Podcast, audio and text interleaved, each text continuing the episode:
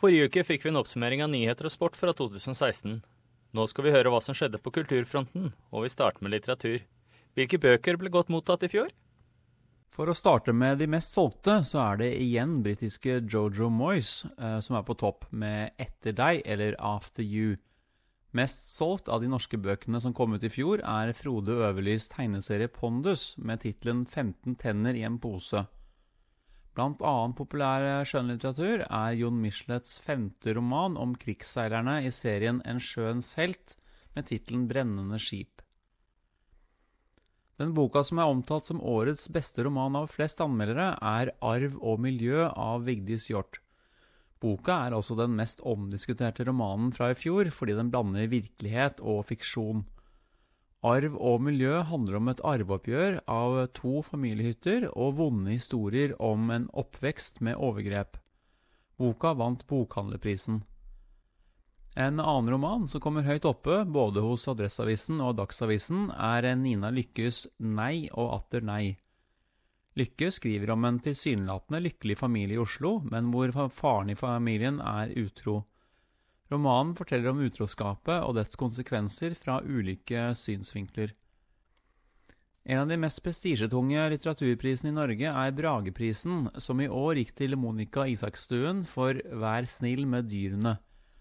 Med et presist språk og en leken form løftes et aktuelt tema opp i lyset med Monica Isakstuens bok skriver juryen i sin begrunnelse. Det aktuelle temaet er barnefordeling etter skilsmisse. Jeg må også ta med at NRKs seere og lyttere har kåret tidenes beste norske dikt. Vinneren ble Det er den draumen av Olav H. Hauge. Og hva med sakprosa? Adresseavisen skriver at eh, To søstre av Åsne Seierstad er årets viktigste bok, og det ser ut til at juryen bak Brageprisen er enig. Hvorfor velger to muslimske jenter som vokser opp i Bærum, å dra til Syria for å gifte seg med jihadister? Boka ble også den mest solgte sakprosaboka i fjor. For eh, nordmenn i Australia som er interesserte i norsk identitet og språk, kan jeg nevne finske Sanna Saromas norske tabuer. Hun har tidligere kritisert nordmenns slappe holdning til språket, og her er det i tillegg etablerte sannheter om bl.a. skole, likhetstanken og mødre som tas opp. Hvis man er interessert i språk, kan man vurdere dialektboka av Anders Vaa. Det er en eh, folkelig gjennomgang av norske dialekter, med lytteprøver på 83 av dem. Per Egil Hegge er kjent for sin språkspalte i Aftenposten, og har skrevet boka Den norske folkesjela, den tar for seg særnorske ord og uttrykk som forteller noe om hvem vi er. Her finner man ord som matpakke, Syden og Kollenbrølet, men også mer byråkratiske ord som handlingsregelen. Til slutt så må jeg nevne polfarer og forlegger Erling Kagge og hans bok 'Stillhet i støyens tid gleden ved å stenge verden ute'. Den handler rett og slett om å oppsøke stillhet for å finne roen i sitt eget liv. Og hva har folk sett på TV og hørt på radio i Norge i året som har vært? Når det gjelder TV, er det ett navn som må nevnes spesielt, og det er ungdomsserien Skam. Under Gullruten i mai vant serien prisen for TV-drama, nye programserie og årets nyskapning. Serien handler om jenter på Hartvig Nissen videregående i Oslo, og framstår som realistisk. Serien har fått særlig skryt for hvordan den har tatt opp temaer som festvoldtekt og homofili. Skam har slått godt an i Danmark, og har for første gang fått dansker til å omtale nordmenn som kule. På svenske SVT er det en tidenes mest sette program på nett.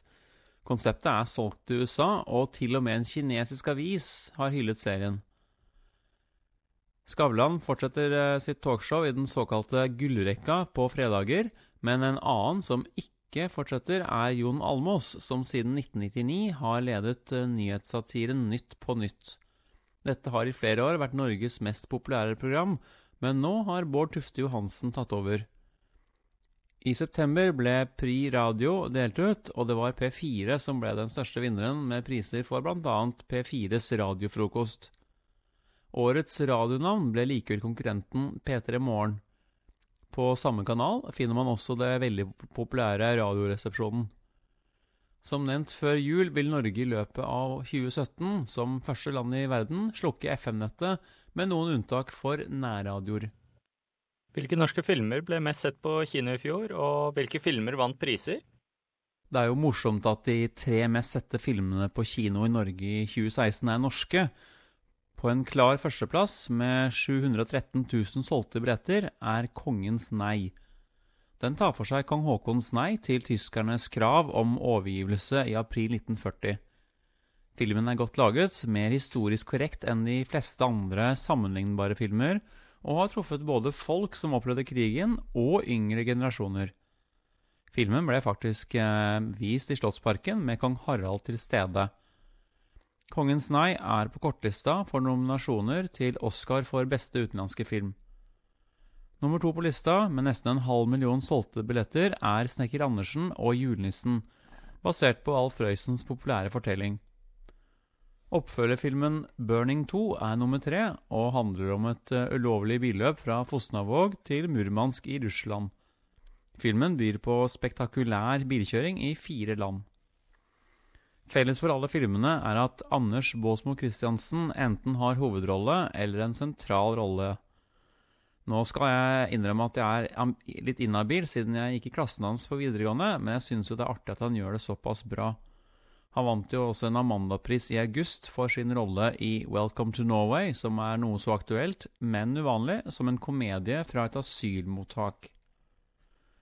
Filmen som vant flest Amanda-priser, var Joachim Triers Louder Than Bombs, som fikk pris for regi, foto, manus og klipp. Den foregår i USA og handler om hvordan en far og to sønner takler at moro er død. Som eh, første norske film noensinne vant en Nordisk råds eh, filmpris og var også nominert til Gullpalmen, noe som sist skjedde for en norsk spillefilm i 1979. Amandaprisen for beste film gikk imidlertid til katastrofefilmen Bølgen, som viser hva som kan skje den dagen en bit av fjellet raser ut i fjorden og skaper en flodbølge som knuser Geiranger. Bølgen fikk også to andre priser. Både Bølgen og Louder Than Bobs var også de store prisvinnerne under Kanonprisen i mars.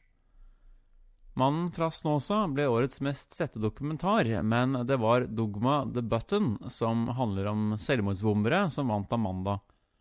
Årets barnefilm ble den veldig artige Knutsen Ludvigsen og den fæle Rasputin. Folkets Amanda gikk til El Clásico, en litt annerledes norsk film om eh, to kurdiske brødre som reiser til Spania på en liten firehjuling for å møte fotballspilleren Ronaldo. Filmen fikk også pris for beste musikk. Hvilke andre filmer bør vi nevne fra 2016?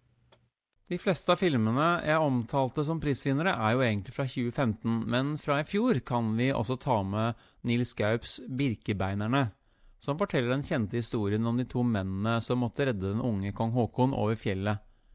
Filmen ser bra ut, men eh, dialogen og regien er ikke den aller beste, noe som kan være grunnen til at den ikke fikk en eneste Amanda-nominasjon. Barnefilmer er populære i Norge, og i fjor gikk bl.a. to filmer om traktoren Gråtass på kino. Den mest populære barnefilmen ble Dyrene i Akkebakkeskogen, en flott animasjonsfilm basert på Torbjørn Egners kjente fortelling. Litt spesielt er det at den unge regissøren Henrik Martin Dalsbakken hadde premiere på to filmer på mindre enn tre måneder. Krimdrama Sensommer og spenningsfilmen Cave. Sjakkverdensmester Magnus Carlsen ble tema for en kinodokumentar, og Atle Antonsen gjorde en fin jobb som mislykket forfatter i Grand Hotell. Norske filmer ble besøkt mer enn 3,1 millioner ganger på kino i fjor, noe som gjør 2016 til det beste norske filmåret siden 1975, da Flåklypa kom. Markedsandelen for norske filmer var på hele 23,9% ifølge Film og Kino. Hvert år kårer Språkrådet årets nyord. Hvilke vant i fjor? Det var eh, hverdagsintegrering, et ord eh, som sjelden ble brukt før statsminister Erna Solberg brukte det i sin nyttårstale. Med ordet menes at integrering først og fremst skjer i hverdagen, og ikke gjennom redegjørelser eller dokumenter.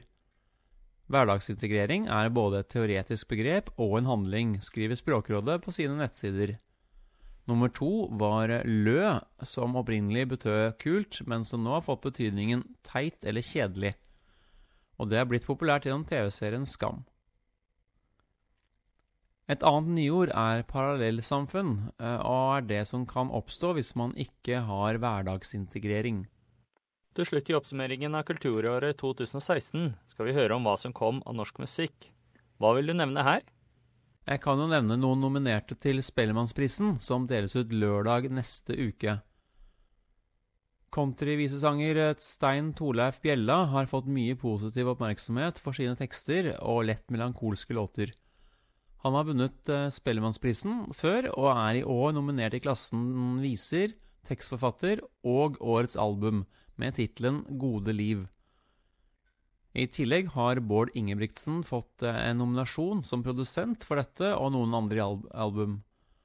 Nå får tekstene og musikken til Bjella et nytt liv gjennom teaterforestillinga Kan noen gripe inn, som går på Det Norske Teatret i Oslo. Flere aviser setter Bjellas album på lista over fjorårets beste. På samme liste kommer gjerne også Jenny Wahl med det mer eksperimentelle albumet Blood Bitch. Hun får også tre nominasjoner i kategoriene indie, tekstforfatter og årets album. Forrige gang spilte du Aurora, og hun har hatt en god karriere allerede, selv om hun bare er 20. Hun ble årets nykommer i fjor og er nominert i kategoriene popsolist, musikkvideo og årets album for eh, All My Demons Are Greeting Me As A Friend. For de som liker musikken litt hardere, kan jeg nevne Haugesund-bandet Årabrott, som er nominert til årets album og i rockeklassen for The Gospel. Carpe Diem er nominert til årets album for Heisa Montebello, og også i kategoriene urban og tekstforfatter, pluss at musikkvideoen til Den islamske elefanten er nominert. Carpe Diem vant to priser under P3 Gull i november. Årets låt Lett å være rebell i kjellerleiligheten din, selv om den egentlig kom i 2015, og for årets liveartist. P3-prisen gikk til Røyksopp, og årets nykommer ble Cezinando, som i mars i år ble kåret til årets Urørt på P3 for låta Epa. Kristoffer Cezinando Carlsen er eh, nominert til Spellemannsprisen i årets nykommer, pluss tekstforfatter og urban. Jeg må også nevne Astrid S, som er nominert både for låta Hurt So Good og som nykommer. 14-åringene Marcus og Martinus har allerede fått sin egen biografi. Eh, de får en kinodokumentar om seg selv fra i morgen, og er nominert for låta 'Girls' sammen med Madcon. Australia-vennene High As A Kite er igjen nominert til årets popgruppe, nå med plata Camp Echo. En av fjorårets mest populære låter var 'Golden Ticket', som vi hørte på SBS nylig, og til slutt så må jeg annet uh, også trekke fram nummer fire, som er nominert til to priser for albumet 'Henda i været'. Hvilke navn er nominert i andre musikksjangre? Jeg har nevnt barnefilmene om Gråtass, og musikken derfra er nominert til beste barneplate. I klassen for danseband finner vi Ausekarene, og innen elektronika har veteranen Biosphere blitt nominert for plata Departed. Det har i mange år vært en debatt om uh, ulv i Norge, og pussig nok har to plater i jazzklassen Ulv eller Wolf i tittelen, og de er laget av Eyolf Dale og Moskus. Mer kjente navn innen jazz er Nils Petter Molvær og «Kom Shine med Kringkastingsorkesteret med plata Norwegian Caravan. Trondheimssolistene sin plate Reflections er nominert til tre Grammy-priser, to tekniske og én for beste framføring av lite ensemble. Plata er altså nominert til Spellemannsprisen for beste klassiske plate. Det var en liten oppsummering av eh, fjorårets litteratur, TV, radio, ord, film og musikk fra Norge. Vi kan se fram til litt av hvert i året som er foran oss. Astronomi- og musikkfestivalen Starmus kommer til Trondheim i juni, med bl.a. Stephen Hawking, Buzz Aldrin og Brian Eno. Vi kan også se fram til et eh, storstilt 100-årsjubileum for samenes første landsmøte, som foregikk i Trondheim 6.2.1917, og som nå er samenes nasjonaldag.